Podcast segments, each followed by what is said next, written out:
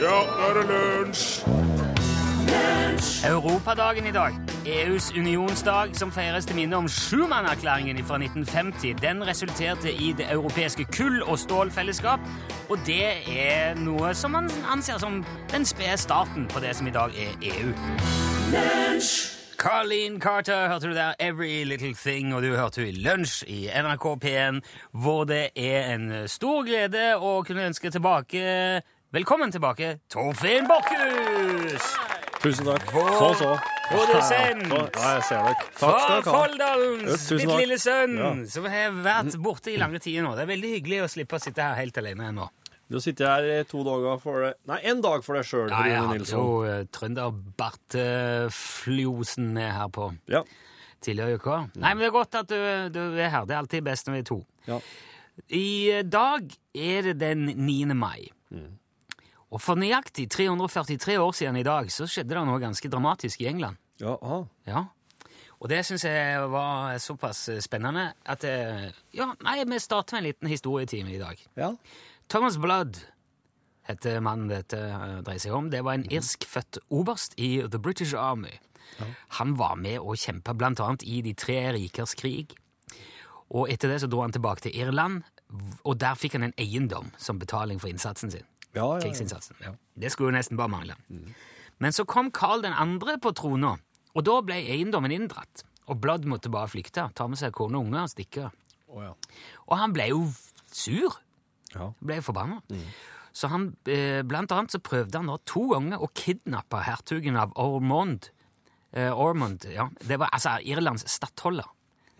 For det er antagelig for å presse eh, Ja, for å få, tilbake eiendommen sin. ja, det er typisk, det. Ja, han, Det gikk ikke. Ingen av forsøkene førte fram. Så han kan man jo anta var ikke helt blid på han der kong Karl Nei. i det hele tatt. Året etter det siste kidnappingsforsøket, som førte til at han måtte for øvrig rømme til Nederland, så kom han tilbake til, til England. Eh, og da tok han kontakt med en kar som het Talbot Edwards. Talbot der, han var vokter i Tower of London, så han passa på kronregaliene til kong Karl.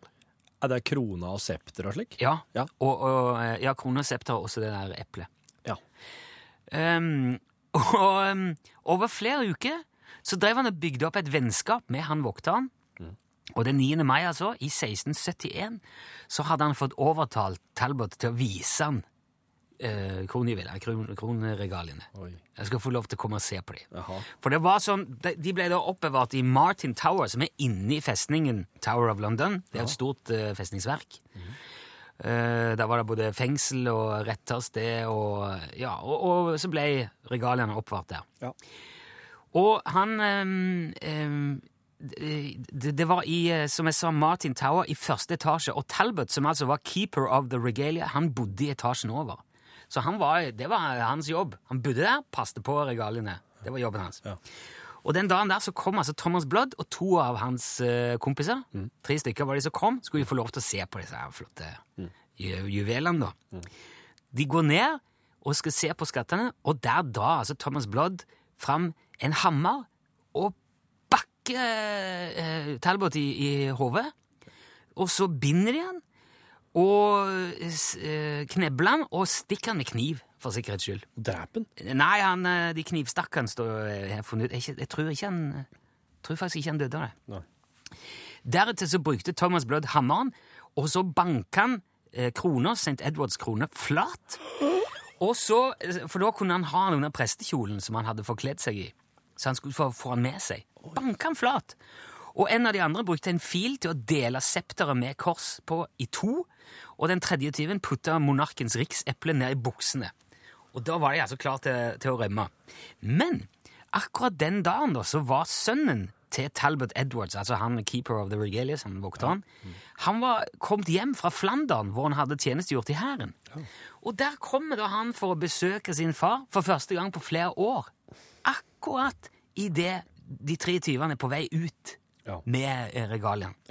Så han slår alarm, og Thomas Blood og de to andre blir tatt mens de prøver å flykte. Ja. Og Blood blir tatt med til palasset og blir forhørt av nettopp da Karl 2. Å ja. Ja. Kongen sjøl som Yes, og flere andre medlemmer av kongefamilien. Ja. Og da er det da Carl spør hva om jeg gir deg ditt liv? Og Thomas Blood svarer, jeg vil forsøke å fortjene det, herre. Og dermed blir han ikke bare benåda, han får eh, en ny eiendom i Irland, og han blir òg tilgodesett med ei årlig inntekt på 500 pund på toppen. Og det var det mange som ikke var særlig blide for. Men han flytta til Irland, og så ble han samtidig en kjent person i London i årene etterpå. Han var ofte på besøk ved hoffet. Så det var det som skulle til for å imponere Carl, det var å prøve å stjele eh, skattene hans. Det var òg en konge, ja. Ja, Så der har du eh, Thomas Blood-historien. 343 år siden i dag. De kakka Talbot i hodet og prøvde å stikke av med juvelene.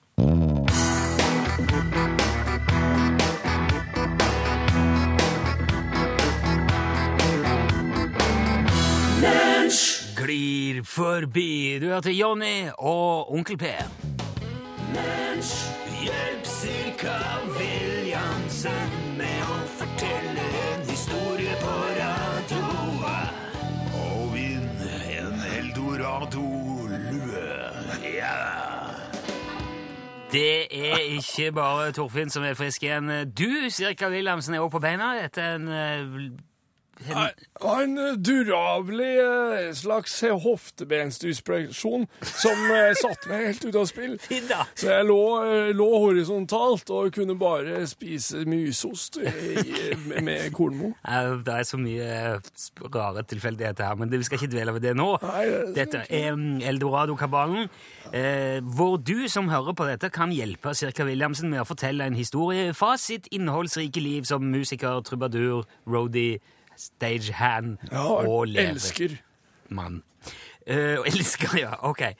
Det som er greia når du forteller cirka, er at av og til så stopper det litt opp. Dette har vi pratet om før. ja, ja, er jo, du har vel om ikke brent lys i begge ender, så i hvert fall uh... Jeg har i hvert fall brent lys. Ja, Jeg har brent brune i begge ender, som jeg liker å si. ja ok. Så blir du, står du i, i praksis på en lekter. Ja, Ja. Og den flyter uh, dit uh, elva renner. Ikke sant. Så det vi trenger hjelp til nå, altså før, eh, før eh, Cirka begynner å fortelle, er at du ringer 815 21 031. Da kommer du inn i studio her. Og når Cirka stopper opp, som det gjerne gjør innimellom, så må du eh, gi det neste ordet. Du må hjelpe Cirka i gang igjen. Ja, det er flott. 815 21 031, altså.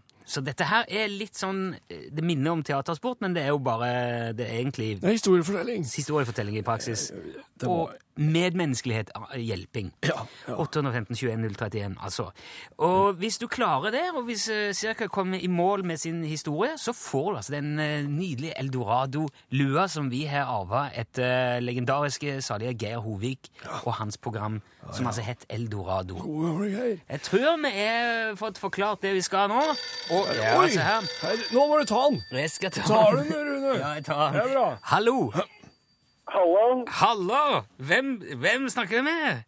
Rune Pune. Hei, Rune Pune! Hallo. Det er jo vår gamle kjenning fra eh, Rock City. Nå, sto, nå, nå stoppet det. Raufoss Rock City. Raufoss, Rock City.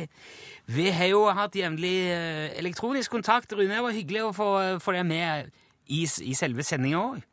Ja, i like måte. Ja. Ja. Eh, du har skjønt opplegget her, Rune, sant? Ja, eh, ja, jeg skulle tro det. Ja. Så eh, For jeg regner jo med òg at du har jobba sammen med Jonny og Onkel P eh, cirka? Ja, det har jeg gjort. Ja. Så var- må du bare være, være, være på nå, Rune Pune. Ja. Ok. Ja, vi har jo jobba sammen før, du og jeg, cirka.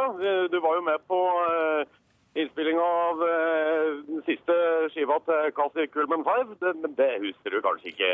Jo, men jeg var jeg husker, jeg husker det. Jeg skulle absolutt ha sånn lapstil, men jeg skulle bare bruke pianostrenger, så det var jo knakk jo bare hele tida. Ja, nettopp, nettopp. Det var grove saker. Det var Ja, veldig Kjempegrovt. det var en, men, men det ble en veldig fin lyd til slutt. Ble Ja. Ja, ja, ja. Nydelig. Så du fikk figurerer på plate til Casey Coleman 5 òg, ja? Ja, ja, jeg, kredit, jeg er kreditert der. Ja. Ja. Nei, jeg skulle, jeg, det, det minner meg om eh, når Cassie Kullman 5 opptrådte i Arendal i, i 2010. Da, da var jo Johnny og Onkel P der også, og det som skjedde var at de fikk uh, Trilleborg. de trillebår i, i, på backstage-rideren sin. Og den, den, Neper. Full av neper. Og, ja, for det, var, det skulle være hvitnepe. Og det var skikkelig stas. Det var ordentlig betaling. Det er mye sukker i den. Ja, ja, ja. Og, og det som eh, han, han manageren til Cassie Kullman 5, han eh, Han, Kåre Vallebrokk. Kåre Vallebrokk var det, ja. Han, han, han drev jo TV 2 på den tida. Nei, eller han har akkurat slutta, kanskje. Han er så innmari allergisk mot hvitneppe. Ja, og, så han gikk jo rett i dørken. Og da Cassie Kullman Fives kunne ikke gå på uten en manager, så de fikk tak i en De fikk tak i en Maler. maler som malte en fyr som ligna på Kåre Valbrokk, Grå! Og så ble det jo akkurat som å se Vallebrokk. Og da var det Det var utrolig. Nei, det var en fantastisk tid, eh, Rune Pune. Ja, ja, da jeg husker deg, du var som en liten guttunge. Ja, det var kjempemoro. Du er hjertelig velkommen på neste skiva. Vi skal i gang med et samarbeidsprosjekt nå med, med Hogne Skogstedt uh, inne fra Hedmarken. Ja, det blir, det blir artig. Jeg har fått meg en ny, jeg har fått meg en ny stilgitar med bare H-strenger. Ja, det passer kjempefint. Dette eh, ble, det var en kjempefin historie. Det var jo nesten juks da, i og med at dere var der eh, begge to. Men eh, det viktigste er jo at, at vi blir underholdt. Rune, dette er jo forbilledlig. Spørsmålet nå er jo om du føler at du best kler en svart eller en sjokknallrosa eldorado-lue. Ja, nei, altså Det er jo eh, Det er jo stort sett svart eh, alt jeg har. Så Så da passer det veldig godt med noe rosa, ja. med rosa Ja, ja, ja. ja, for han er veldig, han er veldig stilig, ser du. Det skal, Ja, ja, ja. Den blir fin å hoste under. Ja, det gjør han. Ja, ja. Dette her skal jeg få uh, Torfinn til å ordne opp i og få sendt det når han kommer tilbake. Han måtte ut og hente seg en kakao nå. Men cirka tusen takk for at du kom. Ja, vær så god. Ja, og, og tusen takk til deg òg, Rune, for at du eh, bidro. Her har du Ja, eh, takk for at jeg fikk være med. Og styrka. vi snakkes eh, plutselig. Snakkes.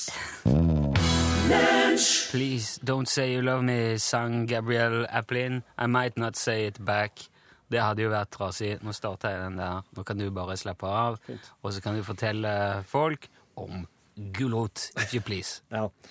Um, Gulrøten var jo opprinnelig lilla, sånn vilt, vilt sett. Nei, kom ikke og fortell meg her at gulrota var lilla. Det er lillarot. Ja, I er gamle dager. Det har vondt for å ta for god fisk. På et, artig at du skulle bringe inn fisk etter her. Sier du Og det? skal, og skal nemlig en tur ned i havet. Eh, på et tidspunkt så skjedde det nemlig en mutasjon da, som gjorde at det lilla pigmentet forsvant, og den oransje gulrota så dagens lys. Eh, og den her såkalte temminga av gulrøtt, den her domestiseringa Altså temme gulrot. Det er så toskete å si, men det er jo det, er, Ja. Så ble tamrot av det. Ja. ja.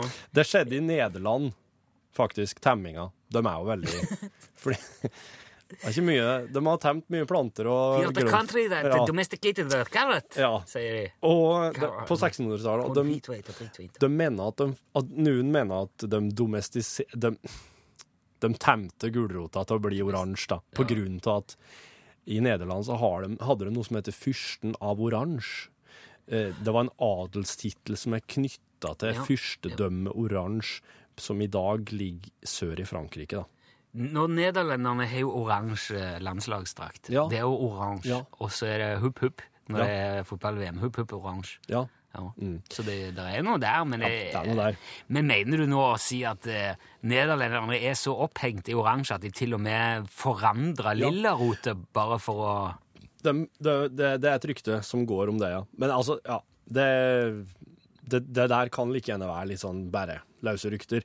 Men den, den mest rojale farga gjennom historia, den kan kanskje, det kan vi kanskje være enige med er lilla. Fordi at eh, romerske keisere gikk i lilla, eh, romerske senatorer fikk lov å ha ei lilla stripe på togene sine.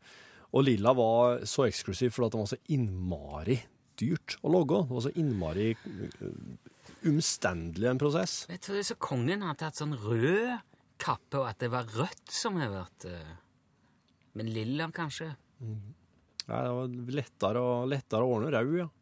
Ja, det var sikkert Ja. Det er derfor alle husene i Sverige er røde, fordi at det er så billig. Ja, Aha, aha. Iallfall, den eneste måten de klarte å logge lilla på i, i gamle, gamle, gamle, gamle dager, da, det var at eh, de måtte samle inn tusenvis av små middelhavssnegler. Og så måtte de knuse skallet, ta ut snegla, legge henne i blaut. Og så, etter å ha ligget i blaut en stund, måtte de ta ut en bitte liten kjertel fra den allerede ganske vesle snegla. Og så måtte de ta den kjertelen og skvise den. Og skvise, skvise den vesle safta her ut i et fat. Og det fatet ble satt i sola.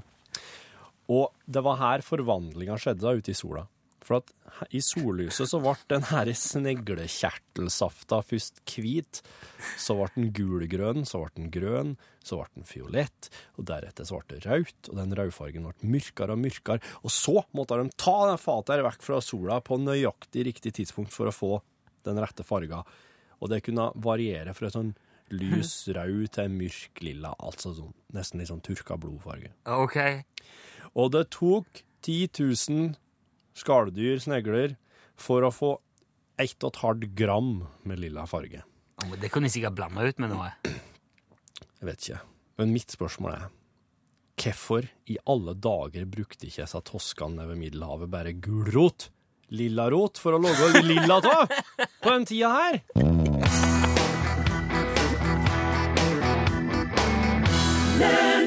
Som du kanskje har hørt i lunsj tidligere denne uka, så planlegger Danmark å invadere og ta over Norge på 17. mai i år. Og vi har via vår agent i Roskilde avdekka operasjon Mysost, som vi ikke vet alt om ennå, men det kan tyde på at det er skumle planer på gang i nabolandet der sør. Og Derfor har jeg nå med på telefonen vår gamle venn fra Hirtshals, Mogens. Palle, god dag, Mogens. Dags, Rune! Ja, det var da trivelig! Hei, hvordan går det på tavernaen om dagen? Å, nå, men det er da bare godt. Ja, hold da kjeft. Her kommer der masser av nordmenn der spiser og drikker og hygger seg. Det er så trivelig! Ja, det er bra. Jeg må spørre deg rett ut her, Mogens. Har du hørt om Operasjon Mysost? Hva på her? Operasjon med mysost. Å, nå, det er mysost! Ja. Det er riktig lekkert. Det er jo en norsk delikatesse! Ja, det er brunost, som vi ser her. Brunost! Jamen, så er den også brun. Ja, Men nå tenkte jeg mer på Operasjon eh, Mysost, altså hvor danskene har tenkt å ta over Norge. Har du hørt om det? Hva sier du skal den skal ta over nå? Ja, altså, det ser ut som eh, Nei, nei, nei, det er da helt forkert. Ja, vel? Dansker skal da slet ikke ta over noe som helst. vi, er da, vi kan da knapt ta, ta hånd om Grønland. Ok. ja, nei, vi har slet ikke plass til mer land nå. Men vi har altså opplysninger da, som tyder på at det er dansker på vei hit eh, til 17. mai for å gjøre Norge dansk. Ja, Eh, 17. mai, vi, ja, vi elsker. En dejlig dag. Ja, det det, det er Norges nasjonaldag. Ja, det er så trivelig. Ja. Vi har jo slett ingen nasjonaldag i Danmark. Det er bare noe halslumset røv på den 5. juni. det er bare sludder. Ja, men, men tror du det finnes krefter i Danmark som gjerne vil prøve å ta den norske nasjonaldagen, da? Siden dere har så lite nasjonaldag sjøl, tenker jeg. Der ingen dansker, der bøffer nordmænd. Nej. Vi er gode venner og bedste kammerater. Men så skulle vi heller tage svenskerne. det er noen røvskaller og flæsensnækker.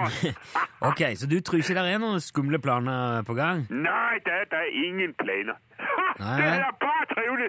Vi skal ha 17. maj på tavernen med norske flagg og finelår og soingrøt. Hva, du, hva sa du nå, Mogen? Skal du servere soingrøt på 17. mai? Ja, ja, det har vi da også hvert år på den store dagen. I all verden, det var ikke klar over. Jo, men vi feirer våre norske brødre med soingrøt og snaps og øl, og vi synger Ja, vi elsker og kaster griselabber gjennom blomsterkransen. Det er riktig trivelig. Kaster griselabber gjennom blomsterkrans? Ja, ja, men vi har masse av norske tradisjoner. Ne, ja, men det, det, det er ikke noe norsk tradisjon, det, å kaste griselabber eh, gjennom eh, blomsterkranser. Jo, men det har vi da lært af en øh, nordmand. Passer det ikke? Nei, det har jeg aldri hørt om. det. Åh, oh, men det er da riktig så. Ja, Det står en lang, lang rekke med to griselapper hver, og siden kaster man dem gjennom grensen, og den, der ikke treffer grensen, han må drikke snaps og danse grisens polka, og så blir det riktig festivitas. Ok. Det tror jeg er ganske unikt for den danske 17. mai-feiringa, faktisk. og nå, men der kommer en buslast med norske fiskere her neste lørdag, og så skal vi fejre dagen på tavernaen her hos oss. Det blir så trivelig! Det høres veldig trivelig ut, eh, Mogens. Ja, men du har selvsagt velkommen, Rune. Vi har griselabber nå til alle mann. Ja, jeg skal feire 17. mai hjemme i Egersund i år, så det, får, det, får nesten, det må nesten bli en annen gang. Å, oh, men det er da bare lekkert. Men du skal ha lykke til med arrangementet. Du må si fra hvis du hører noe om den der Operasjon Mysos, da. Ja, ja, ja, det er super duper. Hippo hurra. Ja, hurra. Ha det bra, Mogens. Ja, farvel. Farvel, farvel.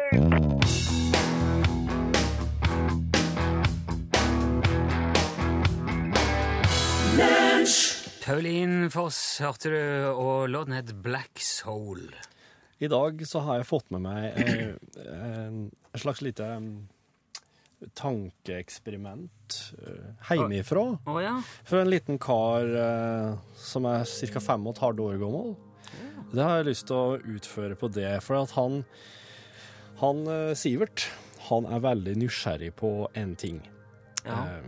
Han mener altså om du kan I dag, i dag den 9. mai, er det noe spesielt? Er det, det hva slags merkedag i dag? Europadagen. Europadagen. Men det kan òg være åpning for, ha, for at det kan være tørka chilidagen. Kanskje det? Det kan være begge deler. Kanskje det er én tørka chilidag en annen? Jeg vet ikke. Ja, Det kan vi sjekke etterpå. Det glemte jeg å sjekke. Ja. Men iallfall, om du kan forestille deg dette her, Rune. Prøve. I dag er tørka chilidagen. Ja, Ja, ja, At, ja. ja. At, eh. I dag skal du ha tørka chili både i trusa og i øynene. Du, nei. I øynene òg. Klart jeg skal jo ikke det. Jo. Hva er det for en så tullete det er turka chili-dagen er. Du skal ha, fylle trusa med chili, og du skal putte det i øynene. Og alle må ha det. Det her, er, det her gjelder for alle på hele jordkloden. Skjønner du? Eh, Ja. Mm. Jeg, ja. Og veit du hva som er Det er ganske viktig her å vite hva som er lurt å gjøre hvis du får tørka chili på øynene. Vet du hva du skal gjøre da? Jeg tar, får det vekk Hvordan gjør du det? med vann. Ja, riktig. Ja, jeg tipper jeg. jeg måtte, ja, jeg ville jo skylt på Ja. det skyllet, ja. Skyle øynene Ja. i rennende vann fra springen. Og så etterpå så er det godt å ta en klut i det samme kalde vannet og helle foran øynene. Det fins faktisk òg, vet jeg, eh, egne øyedusjer som man kan bruke hvis man har fått noe i, eh, i øyet, Ja. Eh, som spiller med en veldig forsiktig stråle. Ja. Og eh, jeg har en gang vært innom så vidt eh, på Kjøtt- og næringsmiddeltilsynet, så jeg skulle jobbe som assistent. Ja. Og da viste de meg her er øyedusjen. Ja. Den må du huske på å bruke hvis du får noe ja. Kjekt. Um, spørsmålet er da i, på turkachili-dagen etter du har putta turkachili i trusene og i øynene. Trusa og øynene. Ja. Hva gjør du? Hva er det første du gjør? Ta tar, det vekk igjen. Ja, men prioriterer du en plass framfor en annen en? Jeg tror Hva er det du sitter og ungene dine med? Nei, det her var reelle spørsmål og problemstillinger i dag tidlig. Altså, hva, hva, hva, skal du, hva fjerner du først? Mm. Redder du stumpene, skulle jeg si? Eller, eller er det synet som Jo, nei, eh, det vil jo være Altså, det verste er jo å ha ting i øynene. Ja. Det er det, altså. Ja. Tror jeg. ja. Og, og jeg ser òg for meg at det vil bli veldig vanskelig å rydde opp i trusa uten å kunne se hva som foregår. Og for eh, jeg tipper du vil bli så nummen mm. både ene og andre plassen at det vil være vanskelig å Du vil ikke kjenne at eh, der er det igjen litt. Der er det. Nei, nei. Så du må ha synet. Synet må Ja. på plass. Så det tror jeg ville vært Men Ja. eh, Ta, fiks, Skjul øynene, redd stumpen til etterpå, i den rekkefølga. Det var fint, for da fikk vi også eliminert det her problemet med å bruke kluten i feil rekkefølge. Tusen takk, Rune Nilsson. Nå ble veldig mange femåringer mye, mye klokere. Og jeg vil tro ganske mange andre òg. Ikke putt chili på øynene, og heller ikke i trusa. Sjøl om det er turka chilidagen.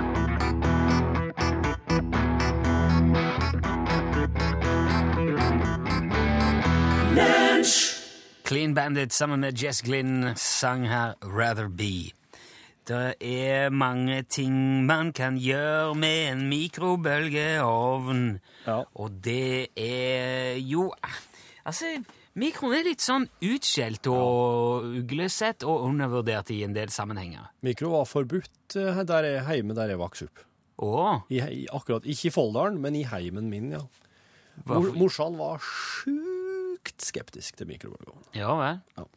Det er, jo en, eh, det er jo en fiffig måte å varme mat på med radio ved hjelp av radiobølger, som altså gir fart på vannmolekylene i maten, og dermed ja, overfører energi dit. De begynner å hoppe rundt, og de utvikler varme. Ja, det, det er, kan, stemmer å si at det koker inni seg. Ja, det gjør i grunnen det. Det koker fra innsida. Ja. Ja.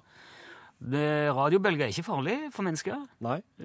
Så eh, ja, og hvis, du- altså Det er ikke noe sånn strålefarge. Det er ikke ioniserte stråler, mener jeg på å huske at det var. Kanskje, kanskje jeg bommer litt nå. Jeg, dette her tar jeg fra minnet nå fra en tidligere sesong av et TV-program som jeg var med og herja en del med mikrobølgeovner i. Ja. Men det er jo, altså man, man ser gjerne på det som en sånn en Nei, det der fisher meg, det er vassende ostesmørbrød, og det går ikke an å holde på å gjøre ting med mikro. Men det er, jeg fant en del sånne råd eller kjerringråd eller vink, tips og vink, da, Ja. for, som du kan bruke mikroen til, som er ganske Ja. Ja. Jeg har ikke testa disse ut. Nei. Så jeg kan ikke gå, gå god for dem, men eh, når du skal få tips av noe, så kan du jo se om det er noe du har lyst til å prøve. For eksempel hvis du skal kutte løk, men ikke vil ha all den der uh, tårespruten, Ja. så kan du eh, k- så topp og bånd av løken, Ja. og så kjører kjøre den i mikroen på full guffe i en sånn 20-30 sekunder. Da, eh, får du ikke, da renner ikke tårene. Da kan du gni den i øynene. Ja, det står ikke noe, men du kan skjære den opp uten at tårene renner i hvert fall. Ja, Putt den i trusa. Ja. Ja. og så kan du òg smaksette nøtter i mikroen. Hvis du legger de i en bolle sammen med noe urter og krydder og bare kjører i en sånn 15-20 sekunder, så frigjør du masse smaksstoffer og aroma fra urter, krydder, og, og, og så blir det en eksplosjon av smak. Hvis du har brunt sukker stående på kjøkkenet, det har du kanskje, Ja. og det er jo veldig sånn seigt, og, og det, det hardner fort, Ja, det blir ja. liksom en haug. Du må hakke det fra hverandre. Ja, men hvis du setter hele greia i eh, mikroen og kjører i en sånn eh, halvt eh, minutts tid, så mykner det. Da kan du bare Ja vel. Ja, står det her. Når du bruker mikro, så hender det jo ofte at mat eh, driver har en tendens til å eksplodere litt. Ja. Sier det, og så spruter det rundt inni der. Eh, Men hvis du kjører en bolle med eddik inn i mikroen i fem minutters tid, så damper den ut, og så løser den opp all smuss. Og så kan du bare tørke ut av mikroen etterpå. Eddik, altså. Eddik, det har vi vært inne på før. Eddik. Det er gudenes urin. Takk for det. Du kan òg bare fukte tørkepapir og legge i mikroen i en tre til fem minutter. Da vil det òg dampe ut masse fuktighet. Og så kan du tørke lett av med papir etterpå. Og så er det noen som mener at du kan tilberede fiskefilet i mikro veldig greit. Jaha. Men det du skal passe på da, er å brette den, for den er jo smalere i endene ofte. Så da bretter du endene inn på seg sjøl, sånn at den blir like brei overalt. Å ja. Og så må du ta den ut mens det fortsatt er litt farge på fileten, for den vil fortsette å varmes en liten stund etter at du tatt den ut. Ja. Dette her Jeg vil ikke tilberede fisk i mikroen. Men hvis du Men du sier det nå. Ja, jeg gjør det, for det, det sto det òg, og det leder meg til å tro at noen driver med det. Og da syns jeg jo vi kan bare sørge for at de gjør det på best mulig måte, i hvert fall. Tørka urter er veldig fint i mikroen. Legger de på litt tørkepapir, kjører i to til fire minutter, så kan du bare knuse de etterpå, så har du noe du kan drysse på. Tørka urter. Og um, krystallisert honning blir òg som ny etter to minutter i en mikro på halv styrke. Ja. Hvis han er liksom blitt rock solid, oh ja. Ja vel. krystallisert, da myker du han opp, får han tilbake egenskapene sine. Varme omslag, sånne håndklær som du får på kinarestauranten. Ja. Fukte, rulle sammen, mikroen, to minutter. Welcome to Chinese restaurant. Feeling. Type, type opplevelse. Mm. Hvis du skal presse sitron eller lime, legg den i mikroen, full styrke, 10-20 sekunder, så er det mye enklere å få ut sitronsaft her. Da er det bare frio, og så For av og til kan det være hardt og vrient. Ja. Du må jobbe, og det spruter og det bæler. Ja. Men eh, Nei, ja. Hvis du lager skal, Nei, skal vi se. Du kan gi tørt brød og nytt liv ved å pakke det inn i litt fuktig tørkepapir. Kjøre i mikroen. Kjører du ti sekunder av gangen, kjenner på. Ti sekunder, kjenner på. For det fuktigheten i papiret overføres til brødet, gjør det smidig mjukt igjen. Ja. En fedd med hvitløk i mikroen, 15 sekunder, mye enklere å skrelle. Og mjuk chips, potetchips, ja. legger du på tørkepapir, kjører i mikroen lite grann, for da vil papiret absorbere fuktigheten. Bang! Crispy again. Wow! Ja, ta med deg det. Okay. Kos deg med det. Ja, Prøv det ut. Fortell det til vennene dine. Jeg har ikke mikro, da.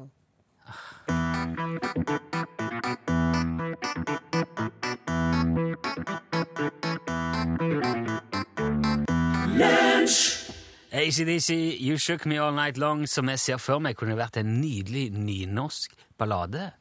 Du rister meg heile natta Hæ? Tror ikke det hadde- det hadde vært noe? Syns fraseringa di var helt på stell der, men uh... Jeg tenker det norske med en gang. Det norske. Ja, det er, eh, De kommer til å ringe etter sending nå. Eh, For at du skal skrive det her som en musiker. Ja, det gjør jeg gjerne. Det no- norske teater, tenker Det jeg. gjør du på eftan, du. Det tar jeg på strak arm. Skal ikke noe ta, ta noe tid i det. Mens jeg lager potetmos til unger. ja. Det blir lett. På, på en slik diktafon tror jeg du skal bruke da. Ja, kanskje det. ja. God gammeldags diktafon. Nå er jo, det er jo Pål Plassen som sitter her og sprer disse galskapens teorier. Og det er jo fordi at eh, vår tilmålte tid er straks ute. Det er norgesglasset nå, Pål. Ja, det stemmer. Du, jeg sto og venta på bussen her en dag, og det gjorde også noen eh, russ. Og så kommer det løpende litt sånn eh, fare for trafikken og seg sjøl, noen unger over veien for å få russekort. Og jeg, jeg ble så fascinert over at det fortsatt er populært å få russekort.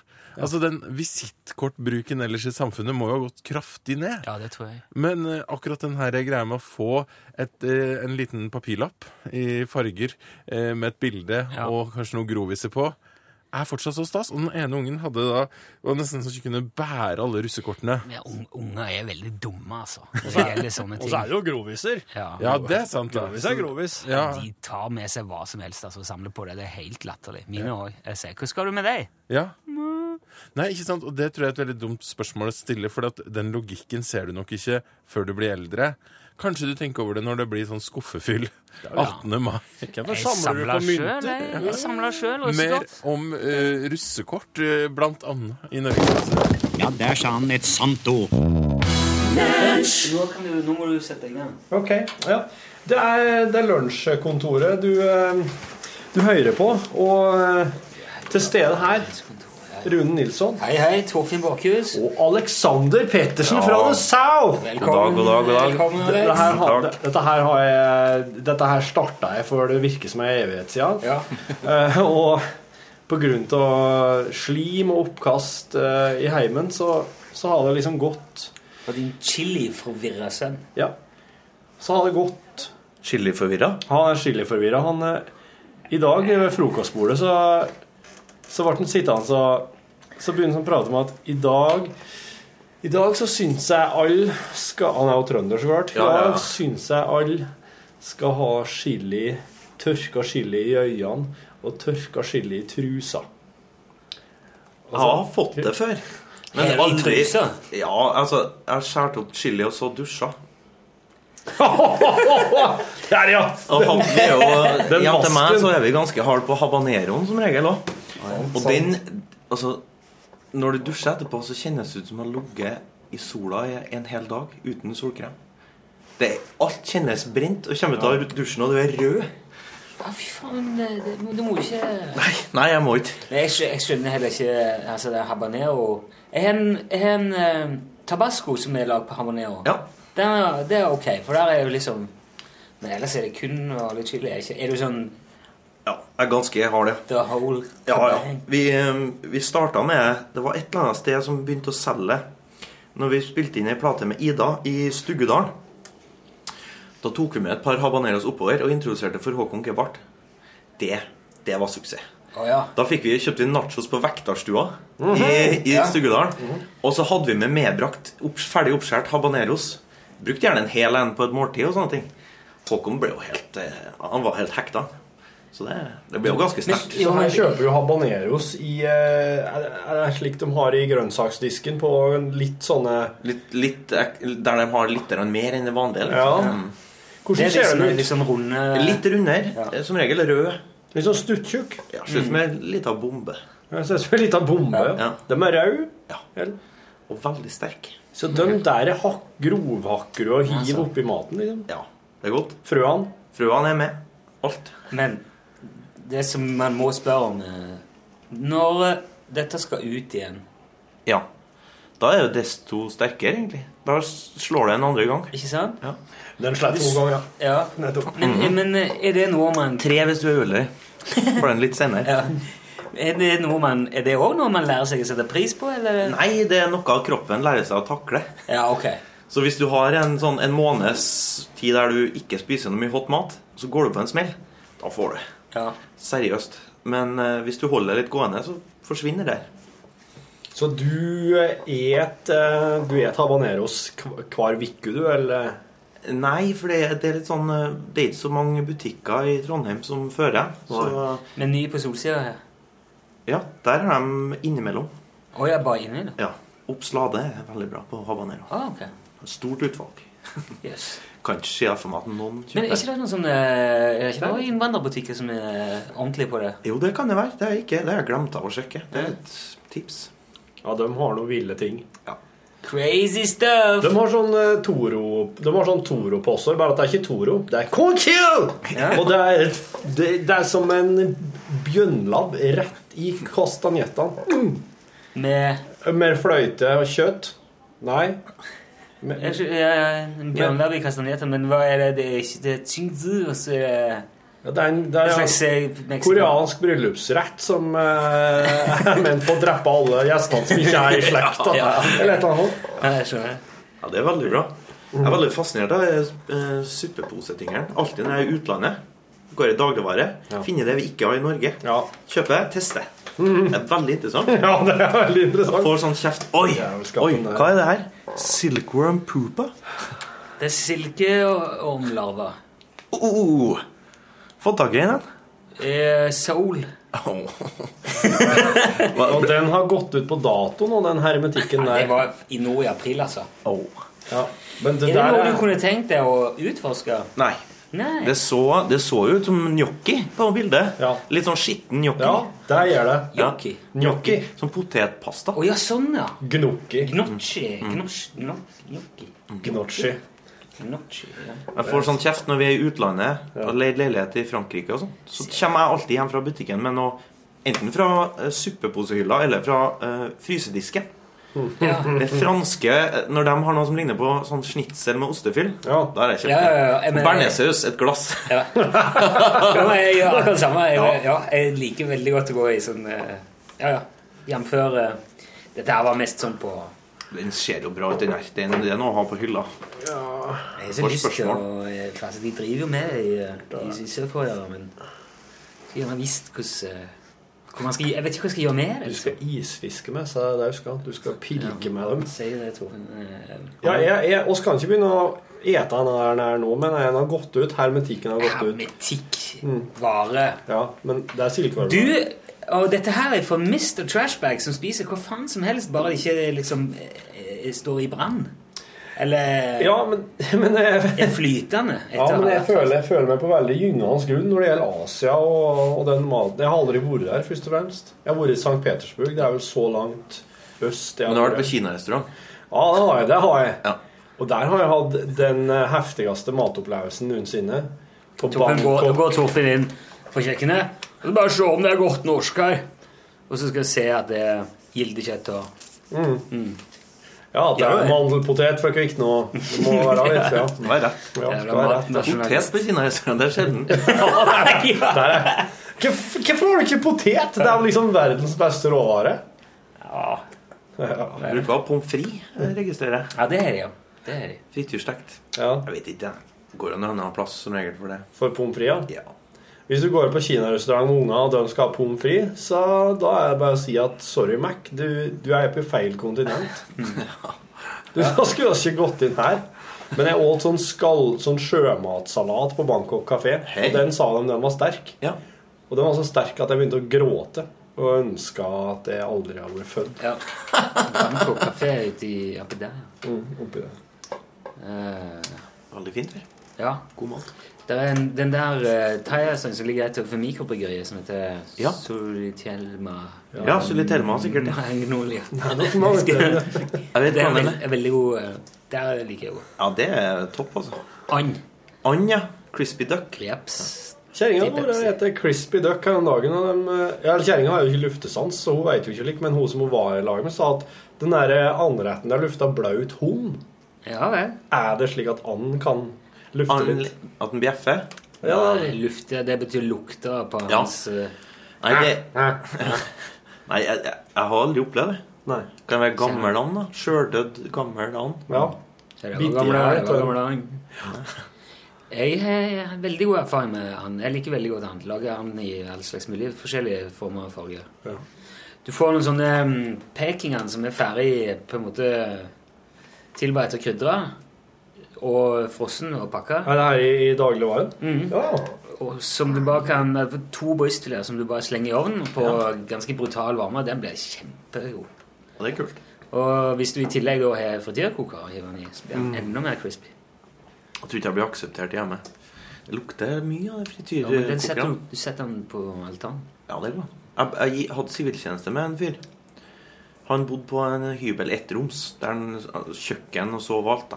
Å Han, jo, han gikk til investert i en frityrkoker. Og var ja, veldig happy helt ja. til han kom på jobb neste dag på skolen. Åh, hvor det lukta av den. Alle klærne hans! Alt var ødelagt. Ja.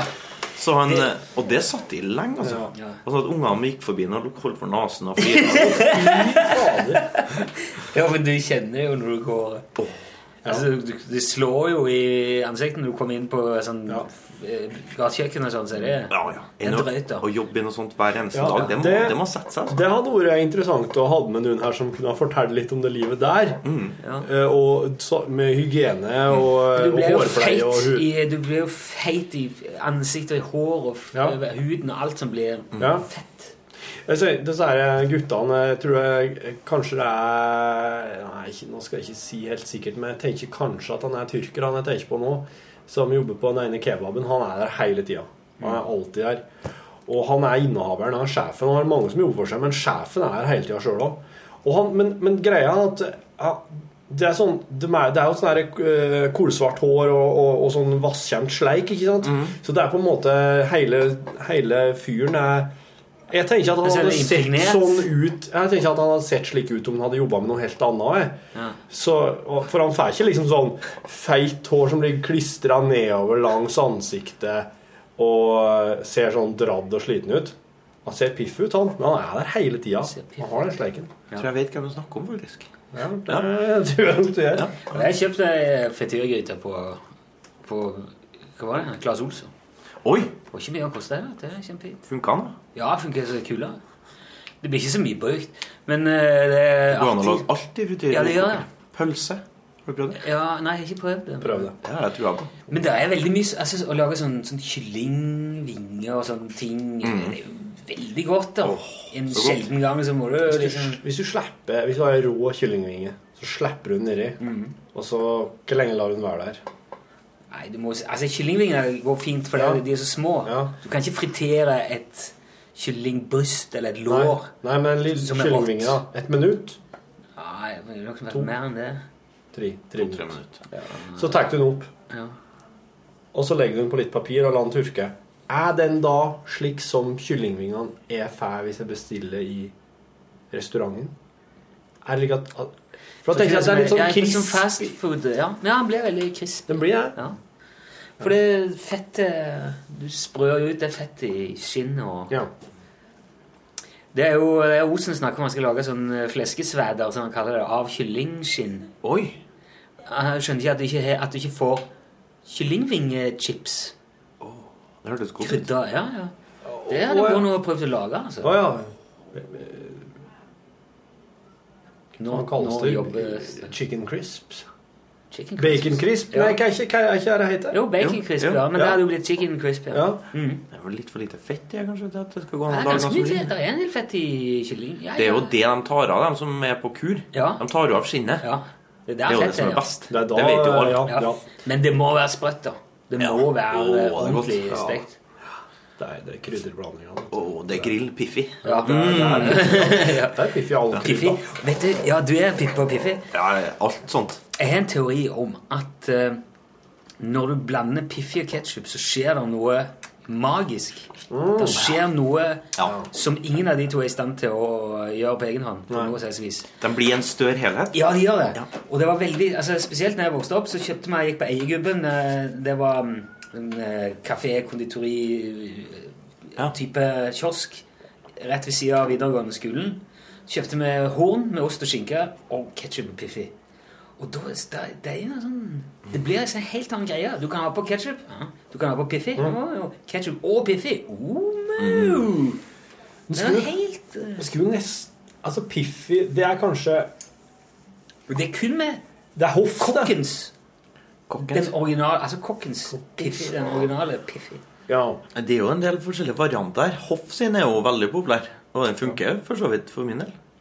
Men jeg er jo òg veldig glad i Knorr har jo et par sånne som heter eh, Aromat. Aromat har du, så har du gastromat. Ja. Og så har du den for kjøtt og grill. Den er veldig god. Oh, ja. For der er litt karri nedi. Oh. Ah, så du får litt sånn Oi, hva skjedde her? Wow. Et, og jeg prøver å pushe det på andre folk, men det går veldig dårlig. Karri, ja. Det er mange som er skeptiske til det. Skeptisk til karri? Ja. ja, det kan se. Men du, det er ingen som finner ut hvis du bare har oppi kjøtt, eh, krydder for kjøtt og grill. Nei. De tenker ikke på det. Nei, nei, nei. Å, dette var godt, sier de. Karri. Når jeg lager fiskeboller Ja. så er det litt aromat i. Så, for du får den der Det er jo MSG, da. Ja, Smaksforsterker. Smaksforsterker. Kjent fra kinesisk eh, restaurant. Ja. Ja. Men eh, ekstremt undervurdert. Jeg har faktisk et glass med ren MSG òg. Som jeg, fikk, jeg fant på en, som en menybutikk. MSG. Helt hvitt pulver, smaker ingenting. Her oppi Mother explosion of taste. Hva er forskjellen på aromat og gastromat? Gastromat, det er det én fyr som driver. Ja, det er kanskje. Ja, det er det med munken på. Ja, Ja, ja. Alltid sett likedan okay. ut. Passer til alt, står det. Ja. Salater. Ja, ja, ja, ja, Dressing. Ja. Men det som er fint med, med aromaten, er at den er helt sånn melfin. Ja. ja. Mens glasstomaten er mer sånn eh, Den er litt grovere. Ja. Mm. Jeg tror det er, eh, det er tre ting i, i, i gass, nei, gassromat, tror jeg. Du har salt, Ja. så har du tørka løk, ja. smaksforsterker. Ja, det er, vet du, er det. det Der er vi på sida, ja. Kjempefint. Hva er det for noe? Gastromat sin hjemmeside. Eh, det Der har jeg aldri vært inn. har salt, vegetabilsk ekstrakt, frukt, friske grønnsaker, hvitløk, purre og urter. Ingen Friske kunstige- grønnsaker. Det er veldig rart. Det skal Det Det er godt gjort. For jeg mener på, jeg har hørt at det- det er en fyr som sitter oppe i, eh, i Bølumgaten 2 Åh. eh, på Sande Oi. og driver gastromater. Det er det jobben hans. Sande Er det i Vestfold? 3070, så det er vel Ja, det er på Østlandet. Sande. Altså, du, det går ikke an å ha friske grønnsaker du, Da må det være sånn frysetørka eller noe sånt. For at hvis du tar friske grønnsaker og Ja, ja. har oppi der, så vil den blandinga bli en slags sånn eh, puré. Ja. Chutney. Ja, ja. Og da hadde det ikke gått an å riste den ut av boksen, liksom. Nei, det der eh, Det, det skjønte ikke helt, men OK.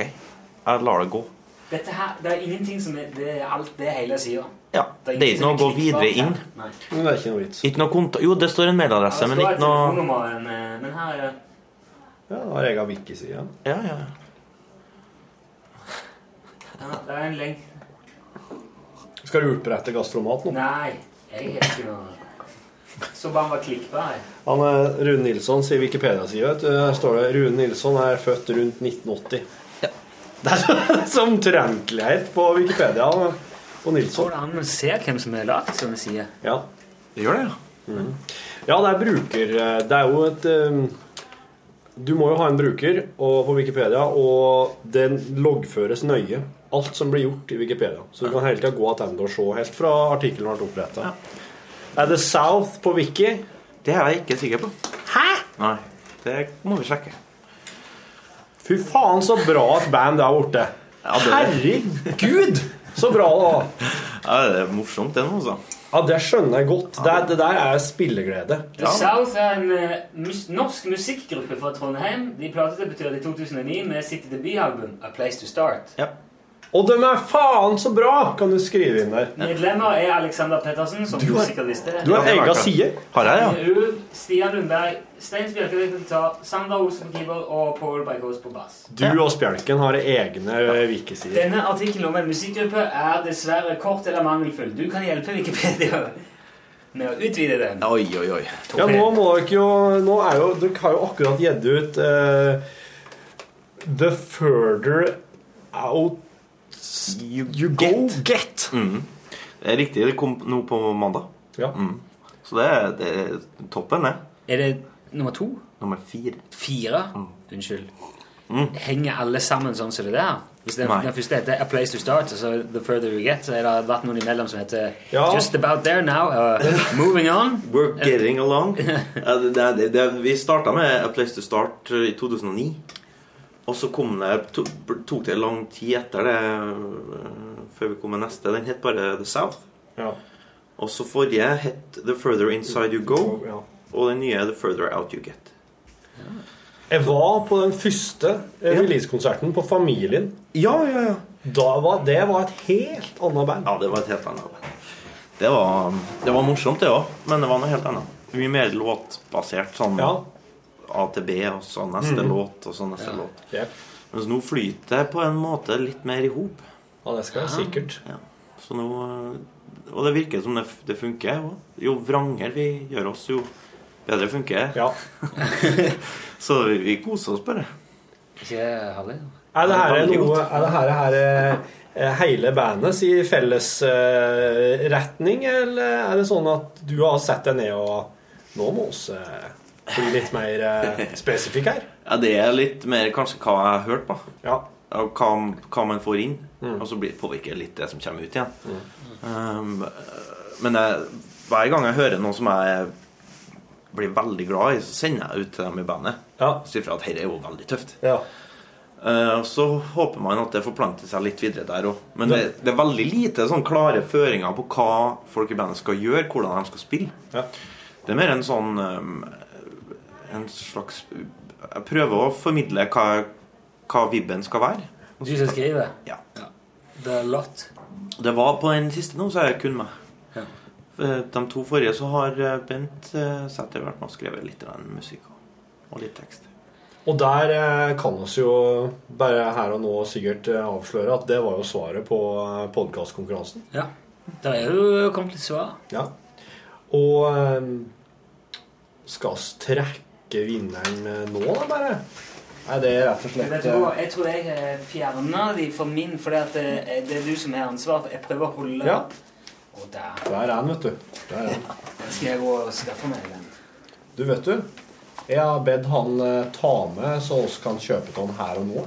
Yes! Ja, ja. Ja, Glimrende. Det ligger eh, tre stykker her. I eksklusiv blank vinyl. Er det det på dem eh, der òg, Ja, ja, ja. Det er riktig. Sparte av til dere, da. Fy fader. Du, ja, nå ser jeg for at eh, det er altså bare to låter på side B. Det er det, ja. Og det Det- er jo et Det, det gjør han jo interessant. Altså, det er jo Det fine med LP eh, som medium er jo det at det er en litt sånn automatisk begrensning der, som, som CD-en ikke har. For der kan du klemme inn 75 minutter, nesten. Ja, ja. En LP der er det, går grensa på 45. Til sammen. På begge sidene, ja. På en LP. Ja, altså som ca. et par og 20 minutter på hver side? da. Ja. Og det er liksom Og så får du den naturlige pausen i midten. Ja. Som gjør til at hvis du støvsuger eller vasker gulvet, sånn, så får du et lite avbrekk der. Så du er nødt til å legge inn en bitte liten fysisk innsats for faktisk å høre videre. Ja. Hvis du er interessert, så snur du den og setter sett i gang. Hvis du blir lei, så blir det stilt. Det, jeg, synes det, jeg elsker jeg er veldig glad i det jeg kjøper bare vinyl. da. Ja, det er sånn her, altså. Jeg sjekker det på, eh, på de online-tjenestene, og så går jeg og kjøper når, Ja. når det er Det er en klassisk fin måte å gjøre det på, det, altså. sånn. som så det har det blitt veldig greit, for du slipper å kjøpe veldig mye som du aldri spiller. Ja. Det er litt sånn. Selv om det på en måte undergraver litt av eh, økonomien i hele industrien, så er det jo eh, veldig fint som forbruker. Ja, det er topp. Hva skal du trekke? Skal du ha en hatt? Trekk deg en Eldorado-hatt, da. Ja, det kan jeg. Det skal du få med deg. Vil du ha en Eldorado-hatt? Of course. Ja, det er Han må få en eh, Det er jo et en Geir Håvik, vet du. Oi. Eh, ros. jo i eh, Dere er jo tøffe bakfra, nå òg. Ja. Det er det. De er jo laga for det. ser jeg nå. Rosa eller svart? Hva vil du ha? Hvis jeg har tenkt, eh, skal bruke den, Ja. så tror jeg vi går for svart. Da går vi for svart. Jeg har aldri vært en sånn eh, Jeg er ikke sikker på om jeg kler rosa. Er det på? Det, det er noe med skjegget som ødelegger hele Hvem er sikker på om de kler rosa? Det er Det er noen som er bråsikre og går hardt ut. Jeg er ikke en av dem, altså. Er eh, Medium. eh, Ah, takk skal du ha. Tøff. Ja, den er jo noe for seg sjøl. Det er designoraklet Torfinn Borchhus og hans eh, gode venn Ole Kristian som Ja. har laga skarven fra helvete på Ole Kristian har laga et cover for oss òg. Ja. På en sjutommersingel. Ja. Ja, det flink, da. ja, veldig flink. Ok, da har vi oss uh, Det her er de rette svarene. Mm. Så nå må du trekke her oppi. Nå kikker Alex ned. Han ser ingenting oppi. Der Jeg Kan ikke lese eller jeg gir det fra meg. Å ja. Ja. Ja, den der som får eh, da eh, den eksklusive blanke vinylen, som visste at produsenten var Benseter Sjur Mikael! Sjur Mikael, ja! Sjur Ok. Mikael, vår gamle kjenning og traver. Ikke så gammel, men eh, erfaren. Dæven, da ble det vinyl på dusj... Altså, Sjur Mikael er sånn, tenker jeg at han er så ung at hvis han har vinylspiller, så er det Imponerende. Ja, det er enten så er han eh, Sjur Mikael går opp på ungdomsskolen. Oh, ja. Så hvis han har eh, vinyl, så er det enten eh, far sin, mor eller mor eventuelt, eller så er han veldig utypisk for vår tid. Jo Ungdomsskole og vinyl, det er noe som krasjer der. Ja. Sånn eh, Ja, i hvert fall i, i dag. Ja. Ja, for, at, ja, ja, for, eh, for 30 år siden så hadde jo sikkert det vært veldig Men jeg hadde jo ikke noe annet, vet du. Nei. Jeg hadde jo ikke noe annet. Du var jo ung og hadde vinylspiller. Ja, vokste opp med det. Ikke, Det gjorde jeg. Når, hvor gammel var du når CD-en kom? Ja, Hvor gammel var jeg da? Eh, Det var jo eh, det var, sånn- det 87-88 begynte å bli ja, litt svung på det. ja, det var sånn, ja, det begynte å bikke rundt 90 før det var liksom sånn nå Ja. det var, I begynnelsen var det bare noen få klassiske Ja. eh, Og så var det liksom demo, og spillerne kosta jo 8000-10 000, og det var, det var jæklig opplegg. Men jeg husker vi hadde en CD-spiller i lokalradioen der som jeg jobba, og, og det var mer sånn Se, dette kommer nå. Skal jeg vise deg? Kom, skal vi, skal vi se. Og så tok vi gjerne den CD-en, den ene vi hadde med, med British Symphony Orchestra, eller London Symphony Orchestra, Ja. og heiv den i veggen først. Ja. For å vise at dette her er så Det tåler alt mulig. Og så her inne så spiller jeg jo godt. Så feil gikk det an å ta. Men det ble liksom pitcha som at det var mye mer robust. da. Ja. Jeg husker det var jo Jeg husker når at man gikk på, på musikkbutikken og leita. Jeg gikk med faren min, så visste han meg det, Der det sto bakpå DDD. Men var rekorder Yes. digitalt. Overført digitalt. Alt var digitalt. Det var best lyd. Ja, ja, ja! Det var, clean, det var ikke noen forstyrrelser, noen forvrengning. Det var råbra. Ja. Det snakket vi om her forleden. Husker Ja. du det? Ja. For det, er Det, det, det. Det, jeg, jeg har jo ei plate fortsatt som er DDD, og det er Guitar Town med Steve Earl. Den låter jo helt Se- forferdelig. det, ja. Det er digitalbånd de brukte i 1987, tror jeg. Helt forferdelig lyd. For det var liksom det som var det fantastiske med alle platene av Yellow. Som man brukte til Å å kjøre på Hi-Fi-klubben. hifi-klubben. Ja. Og gamle Aker Smikk. Det, det, det. Ja. Opp der spilte de Yellow hele tida. Ja, det var fælt. Jeg, var helt, jeg hadde alt av Yellow. Ja, ja, ja. Selvfølgelig. og På vinyl. For en duo. Syns du at det her, her står seg nå? Sitter Ja, du og er det- hører på Yellow på anlegget hjemme? Nei, jeg gjør ikke det. Men, Er det lenge siden jeg har hørt på Yellow? Nei, det er ikke så jævlig lenge siden, faktisk. Det er... Jeg dro det opp igjen da jeg kjøpte nye hø- høyttalere. Ja. Men, men det, er, en- det er jo en sånn eh, Det er jo lydfest, da. ja. Mer, mer som en slags effekt eller referanse. Ja. De gjorde, det fortalte jeg om i en annen podkast, men de hadde, de hadde en låt som heter Blender. Ja. Der basstromma ikke er ei tromme, det er bare luftforflytning. Oh, ja. Det er bare uh, uh, uh, uh. Som du, Hvis du ikke har høyttaler som går under 20 eller 25, så hører du det ikke. Da er han der ikke.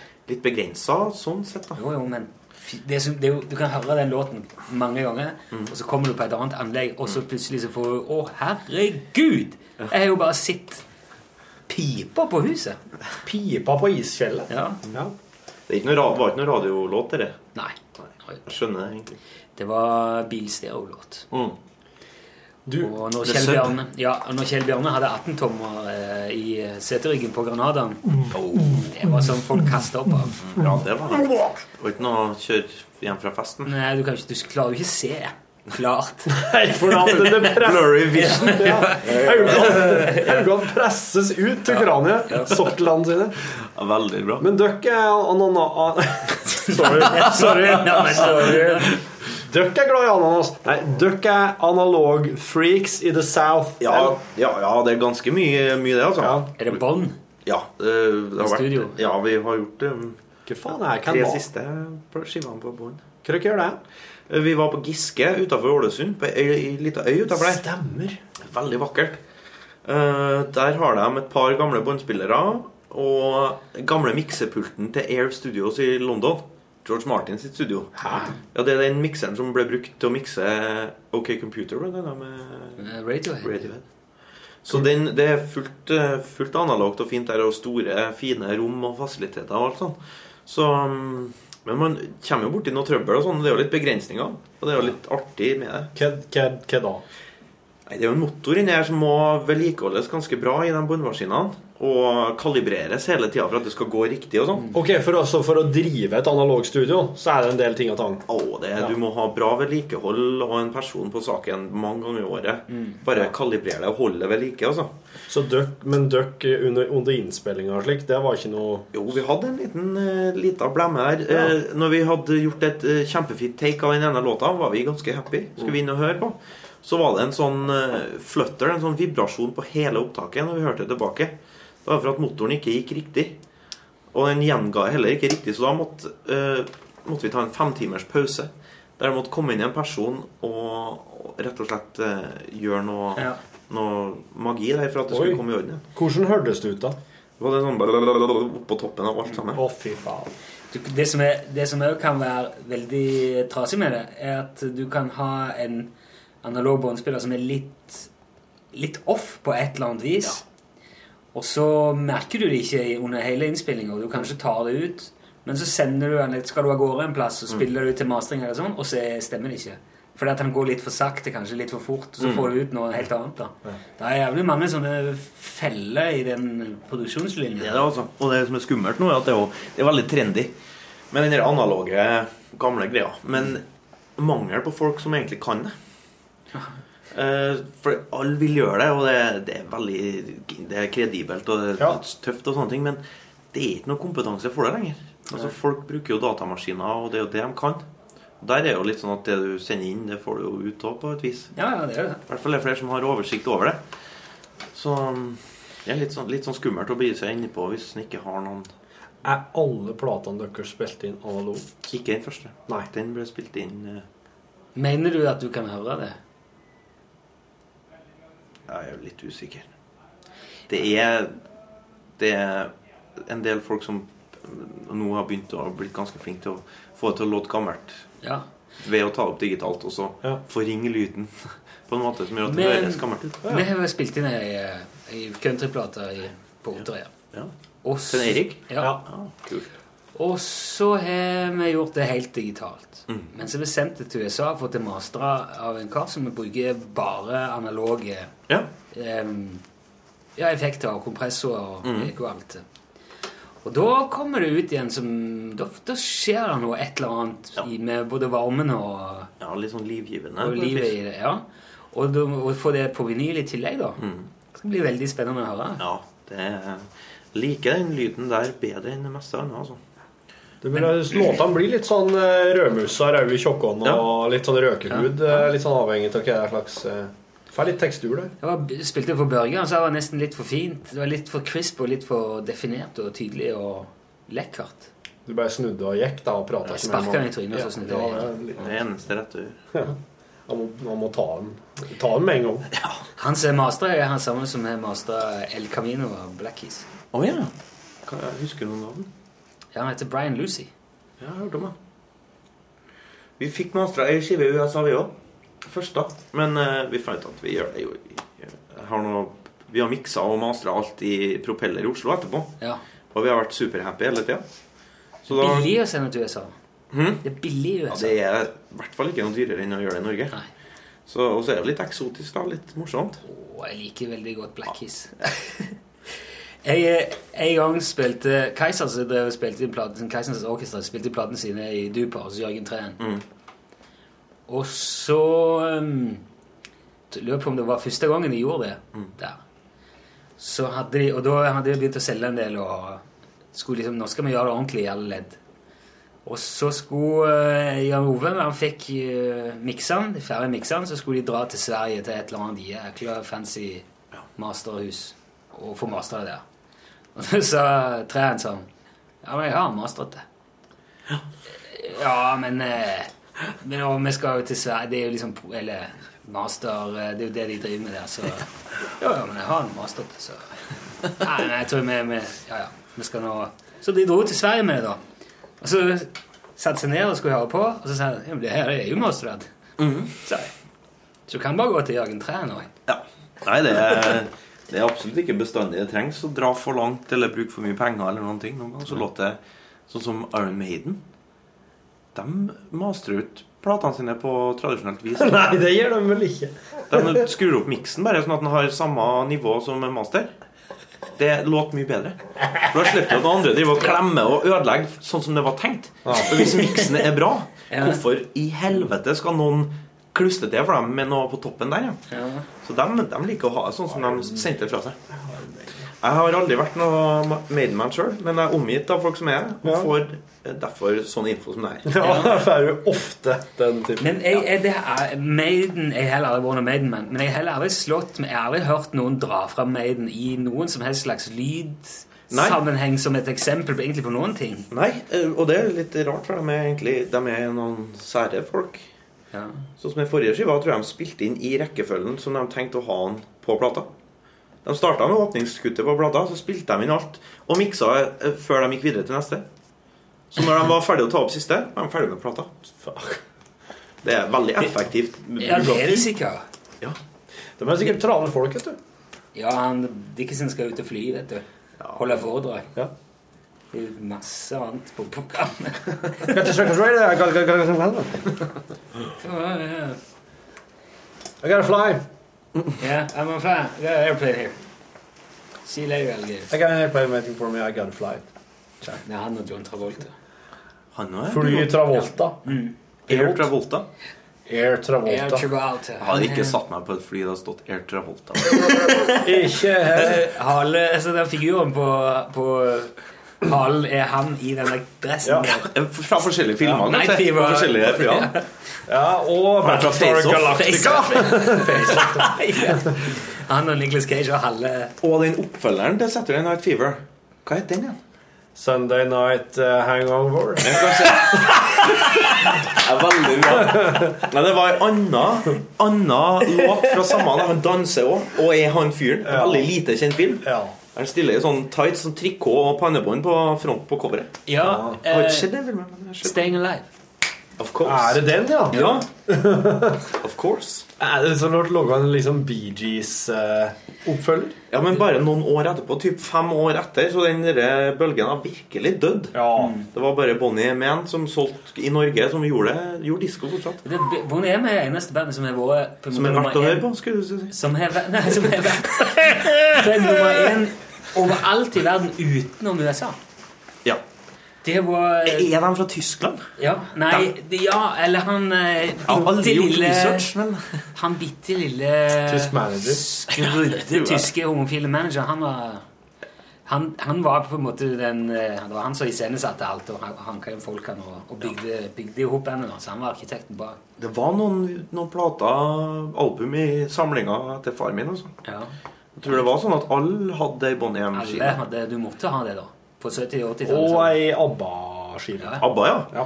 Og James Last Orchestra. Ja.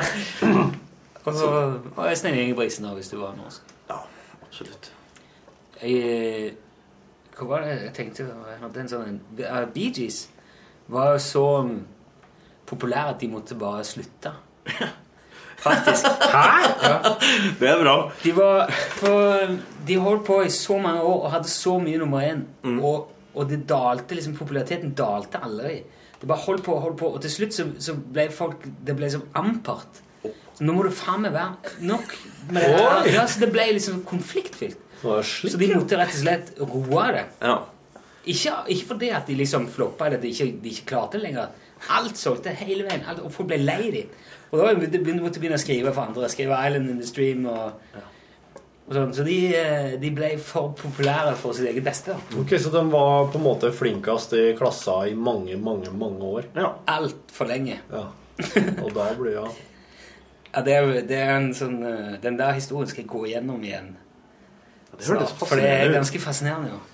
Jeg husker jeg hadde hit sen 80, 'You Win Again'. Ja, Det var liksom min første introduksjon til dem. Da var jeg åtte år. eller sånt. Ja, det, var jo- det var jo en kjempelåt, tenkte jeg. ja. Ja. Men det var jo en attpåklatt Ja, det vil jeg tro. av låter. Ja. Jeg har en, en kompis av meg som uh, skryter av at onkelen i USA ligner på Barry Gibb. ja, det visste du. Skryt. Ja, han, han, gjorde det Det er en del år siden han skrøt nå, men ja, Det er en del år siden en Barry Gibbs så bra ut. ja det, ja, det tror jeg òg. Jeg tror det her var mer sånn På 80-tallet så ligna onkelen min på Barry Gibb. Ja, på da var 80-tallet. han jo Slick Rick. òg Ja, ja, erkeamerikaner. Typisk Ja. amerikaner med bølgete hår og skjegg. Og Ja. Det ble ikke mer, Det var han er mye nesten hår. mer amerikaner enn Kenny Rogers. Det var mye hår der òg, da. Det var, det Ja. var veldig mye hår. Til og med på brystet så Ja. at det, det var greit at det kom opp noe hår der Og òg. solbrun og, Oh, så brun. ja. Ja. Nei, det og gjerne i speedo på cover. Det- Oi! Ja. Kunne finne på det òg, ja. Ja, de, Soloskiva er det sikkert, da. ja. Nei, ja, det, men han sto alltid litt foran, så var det bare Ja, de andre var, Ja, var ikke like fin. Veldig tenner. Veldig mange tenner. Ja. det mange flere tenner enn eh, de fleste andre. Men er de, fra, de er fra Storbritannia, egentlig? Ja, de er vel det. Eller er de fra Australia, egentlig? Oi! Mm. Så kanskje det er erkeamerikanske slett ikke. det liksom. Er jo alltid de som er fra utenfor Amerika, som får det mest amerikanske utseendet. Ja. ja. De er britisk-australske. Hey, det er min! Hør her. Har du Bee Gees fancy bandet ditt òg, som du får info fra? Nei, det tror jeg visst sjøl, faktisk. Jeg syns det er veldig, veldig bra tidlig Bee Gees. Synes jeg er kjempekult. Det var altså Robin og Maurice, de var tvillinger. Ja. Og så var det Barry. Ja. Attpåklatten? Barry Allen. Nei, han var eldre. Å ja. Oi. Ja. B, B, B og G står for Brothers Gibb. Bee Gees. The Brothers Gibb, ja. Jeg var ikke klar over. Og det som var, for selv om, selv om Saturday Night-filmen kanskje ble uklandet, så ble jo soundtracket enormt. ja. Stay in Alive. Stein Alive-filmen Buklanda. Ja, Ja. For Saturday Night-filmen, den, den var jo kjempedigg. den letta jo. Det vil jeg tro. Kjerringa satt og Sa jeg omvendt, ja. Det, ja. Kjerringa ble sittende her og Stay, Stayin' Alive Nei, altså Saturday Night Fever gikk på TV-en. Hun bare switcha. Og så satt hun egentlig og skulle gjøre noe jobb. Så bare switcha hun litt, for uh, hun liker, tror hun liker iblant ha TV-en som en slags bakgrunn. Ja. Og da kom Saturday Night Fever. Og når hun sa det at hun ble sittende og høre på det her, og fy fader, så jæklig bra det var. Sånn musikalsk sett. Det å sitte og høre på den filmen er det er litt som å høre på Blues Brothers. Ja. Som jeg satt og hørte på sånn, så på her om dagen. I lag med sønnen min. Faen. Da var det Det var jævlig rar lyd. Dette her for noe? for Da ligger han rett og slett og Da ligger han eh, sønnen min med, driver med iPaden med et spill der. Da blir han veldig oppslukt og veldig inni det der. Ja, ja. Men eh, ikke sant, når en, eh, Steve Cropper og Donald Duck Dunn og disse her begynner å spille opp, da så jeg at da begynte kroppen å reagere. ja det er tøft. Da, begynte, da må, måtte han liksom begynne å vifte med armen Visste- altså Akkurat når han så på armen så jeg ikke helt visste hva armen dreier seg Men det er jo et fantastisk eh, driv. Jeg har aldri sett den filmen. Wow! Det er, Blues Brothers der, altså. at den må du se. Ja, det, det er jo noe å ha til gode. Ja, virkelig. Det er jo en eh, De starta tidlig òg. De spilte jo live sånn typ sent 70 og sånn. mm. Tror jeg har en kon- en T-skjorte med dem og Dead fra Fillmore East eller et eller annet. Ja, ja, ja, ja, ja. De hadde en sånn split-gig med Grateful Dead, ja. Ja. Det var mange som hadde Det var interessante komboer der.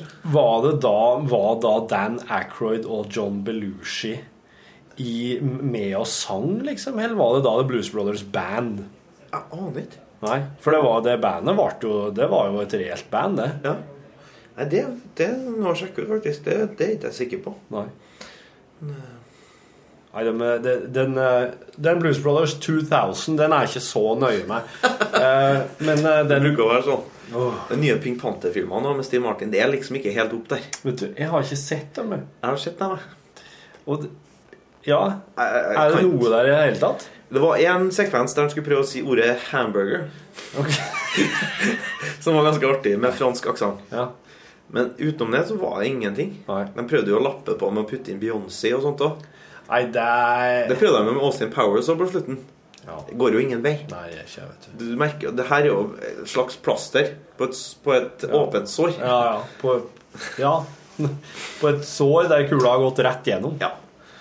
Ja, Det er litt sånn, så det Men eh, de klarer å skvise litt mer penger ut av konseptet. De sitter vel på rettighetene til, til, til Pink sånt, så jeg må gjøre et eller annet med det. Ja, ja, ja. Nei, den er jo Du, du kan jo ikke du, Det er vanskelig å det, det går an å logge ting som er like bra som det Peter Sellers gjorde i uh, Den rosa panteren i dag, men, men eh, det er vanskelig å gjøre det på en måte om igjen. De Ja, ja. samme tingene, samme konseptet. Du må logge noe nytt som er like bra, bare. Like artig. Se på, det er jo egentlig noe poeng i å prøve å gjøre det på nytt. altså, Det er jo kjempebra sånn som det. Ja, det er bra. For de vil gi ut de filmene enda en gang. I Er stedet for å nei, ødelegge det på den måten. Kontemporær, Innenfor kontemporær humor, har du noe eh, Nei, jeg er veldig glad i Steve Coogan. Ja, han er, han er artig. Han er alt, eller ikke alt han er, men han, med, han har laga en del veldig bra film. Både Alan Partridge er jo stor, ja. stor favoritt. Det har jeg lånt av Rune, den boksen, så den har jeg sett ferdig nå for ikke så lenge siden. Ja, ja det er alt Ja. bare artig. Ja. Og så har du han, den andre karakteren hans, som er han gamle Rodin. Uh, han, det er en egen Å. serie. Jeg husker ikke hva han er heter. en gammel musikk-roadie, Ja, liksom. ja, ja. Nei, det Som har jobba for alle de store. Nei, det her har jeg ikke sett. Men så har han nå starta opp et sånn skadedyrfirma med sloganet 'Simply the Pest'. Fy fader, det her har jeg ikke hørt om. Hvorfor har jeg ikke hørt om den serien her? Ja, Det er en er- TV-serie. TV-serie BBC-produsert. Er helt Steve Coogan er en gammel roadie. Ja, dritbra. Veldig, veldig bra. Her masse, masse musikkanekdoter. Er det slik som går, er det slik som går nå heller? Nei, det, det gikk aldri i Norge, du. Nei. Så øh, du, du, du får kjøpt det på nett. Eh, Grunnen til at jeg fant ut av det, var jo bare å google Coogan og Karen holdt Ja. på med det siste. Ja. Så det mm, Men uh, Saxondale heter serien. Saxondale. Ja, Han heter Tommy Saxondale, karakteren. Det er, det er virkelig verdt alle pengene. altså. Du, eh, du, har, du har så klart sett uh, Whitney LMI. Ja, ja, ja. Han, eh, han figuren der, vet du Han, eh, Det er en litt morbid jævel, men det er greit. han Ja, men han eh, Han godeste Nå kommer jeg ikke på hva han heter, men I don't believe in personal freedom. Han derre gærningen som hele tida kommer inn. Han som henger opp ned av sover. Ja. Mm. Han, han, han er, der, der har du en sånn erketypisk sånn gammel roadie. Ja. Han som forteller om når Ossi bare skulle ha broene M&M's eh, i Waynes World. Han, han har jo gjesteopptreden i Waynes World igjen. Oh! Samme fyren. Det, er dem er lenge siden jeg har sett. Ja. Når jeg så Wayne's World, så hadde jeg ikke Whitney and Isle innafor beltet. Nei, nei. Så det, det- tror jeg er helt vanlig. Det Du ser Waynes World først. Ja. Og så kommer da etter hvert Så begynner det Så dukker det opp referanser hele veien. Ja. Gamle referansene. Ja. Du, Rune. Steve Coogan-serien Saxondale. Ringer ei bjelle her? Nei, Jeg vet ingenting om Steve Coogan, for jeg lånte vekk boksen min til en eller annen jævla homo som aldri kom igjen med den. Du har fått den att? Har jeg det, ja? Ja. ja jo, jeg, jeg, kan- kan ganske mye av det. Har jeg det? Ja! Er du sikker på det? Ja, ja. Noe nylig. Nå sa jeg jævla homo. Det er jo utrolig dårlig uh, stil. For jeg Ja, det må du være litt forsiktig. eh, Du lite eh, imot eh, homofili. Men, Du drev og prata om han der tyske manageren som òg var homo i stad. Jeg tenkte at han Det er jo, har jo ikke noe å si om han nei, er nei, det er ikke det. Men, Hovedsaken er at han var en slesk fyr. Ja. Ja, han var jo Ja, han var en skikkelig utspekulert fang. Mm. Men han var, jeg tror han var sånn Nei, jeg vet finne ut litt om han er da, for Den var jo kult, det, da. Jeg er faktisk ikke sikker. Frank Farian heter han. Basert i Vest-Tyskland. Men så var det jamaicanske etter Liz Mitchell og Marcia Bar Barrett. Macy Williams fra Montserrat og Bobby Farrell fra Aruba.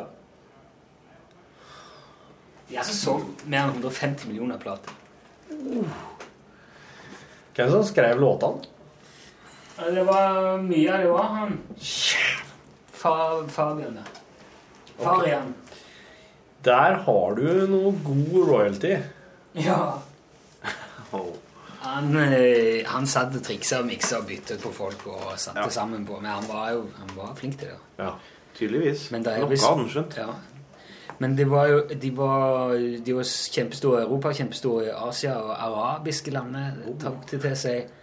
Eh, ja, og stort sett over, men ikke USA. Nei. Nei. Det var, når var det her, da? Bonnie Nei, fra når- 70-tallet og oppover. Mm, Seint, tenker jeg. Ja, skal vi se Ja, de debuterte vel i 76, ja. Ja. Litt rart de ikke ble omfavna når Saturday Night Fever smadra til. ja. Det jo Men det er ganske godt gjort å selge 150 millioner plater så å si uten amerikansk marked, da. Da har du solgt alle. Ja.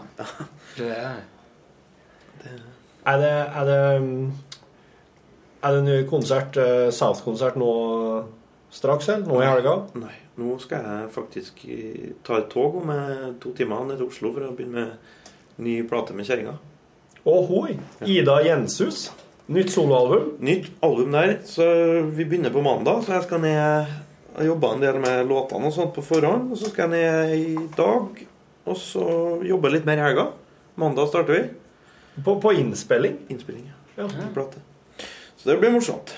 Det er litt sånn Da får vi får jeg glemt The South i en stakket stund. ja. Ja.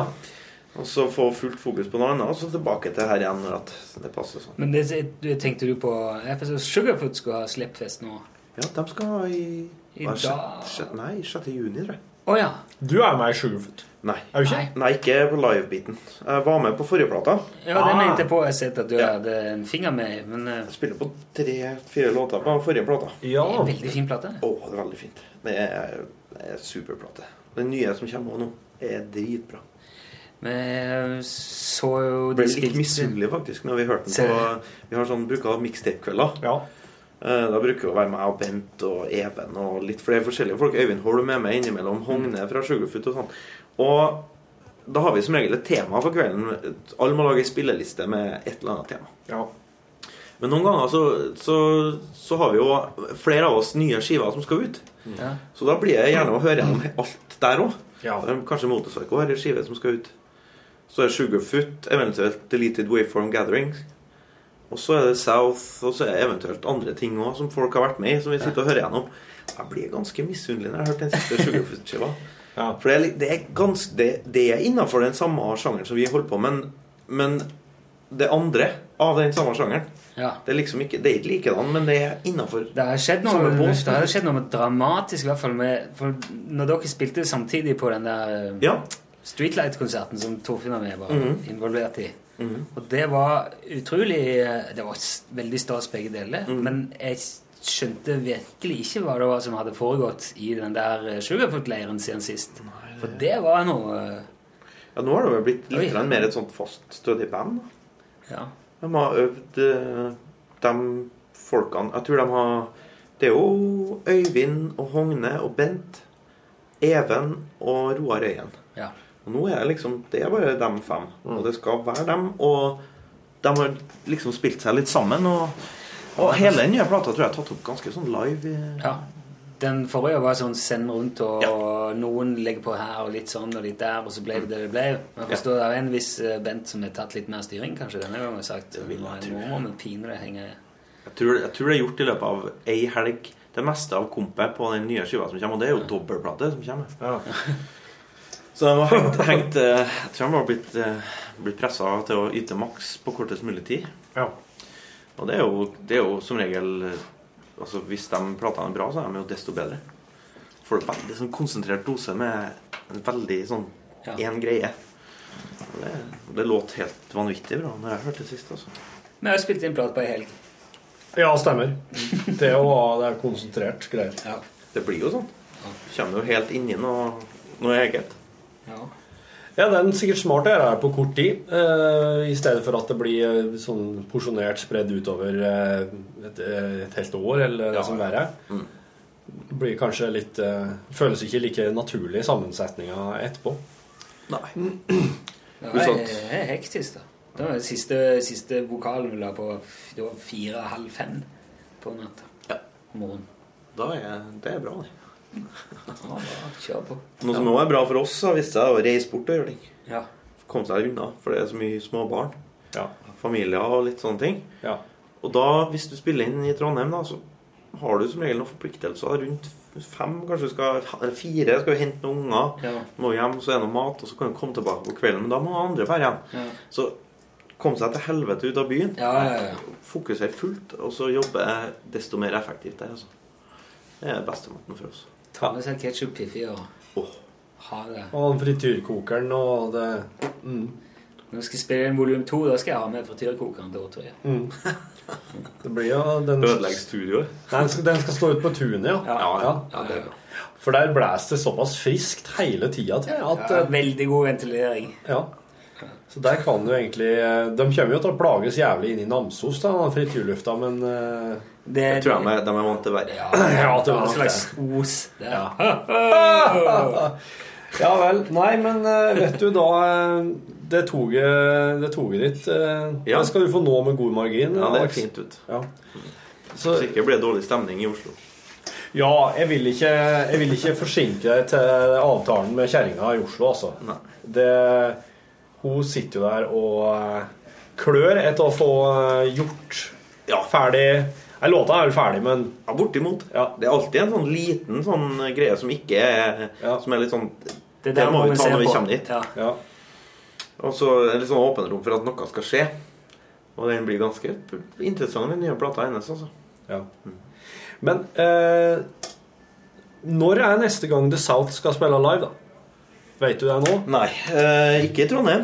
Eh, Men det her går vi- ut til hele landet. Nå skal vi, vi skal spille Steinkjerfestivalen. Ja. Ja. Uh, det er jo slutten av juni. Mhm. Uh, og så skal vi gjøre uh, Det ser ut til at vi skal gjøre eh, Halden. skal vi spille kanonrock. Så skal vi spille Vikedal Roots. Så skal vi spille Tydalfestivalen. Mm. Og så skal vi spille i Langesund sammen med Beth Hart. Og, og så skal Ja, det blir Det er artig. ikke smartere enn Beth Hart. Nei. Så skal vi spille på Palace Grill eh, dagen Ja. på utescenen. Ja. Og så skal vi spille Notodden Blues eh, når august kommer. Hør her, ja. Det her er jo det er, det er mye anledninger. Ja. Det, det, er, det blir en personlig utfordring for meg. Det her må du få sett. Hvis du er i nærheten og kan oppleve The South, det, det er slik de uh, har gjort nå det, det, Da Ja, altså Hvis du går for musikken sin del, ja, gå og se The South. Det der er tøft. Så det blir, det Alex ble litt sånn for... Nei, nei. Jeg bare Man må tåle å høre det. Ja, jeg tåler det. Ja, det, er, og det her, her er, det her er ikke slik Jeg sitter ikke og slenger ut sånn i hytte og gevær at hvem som helst bare for at de kan spille gitar. Nei, jeg bare, jeg vet det. Nei, så det Skal vi si tusen takk for nå, da? Ja. Takk for besøket. Jo, takk for meg. Kjempetrivelig. Ha det! Hør flere podkaster på nrk.no podkast.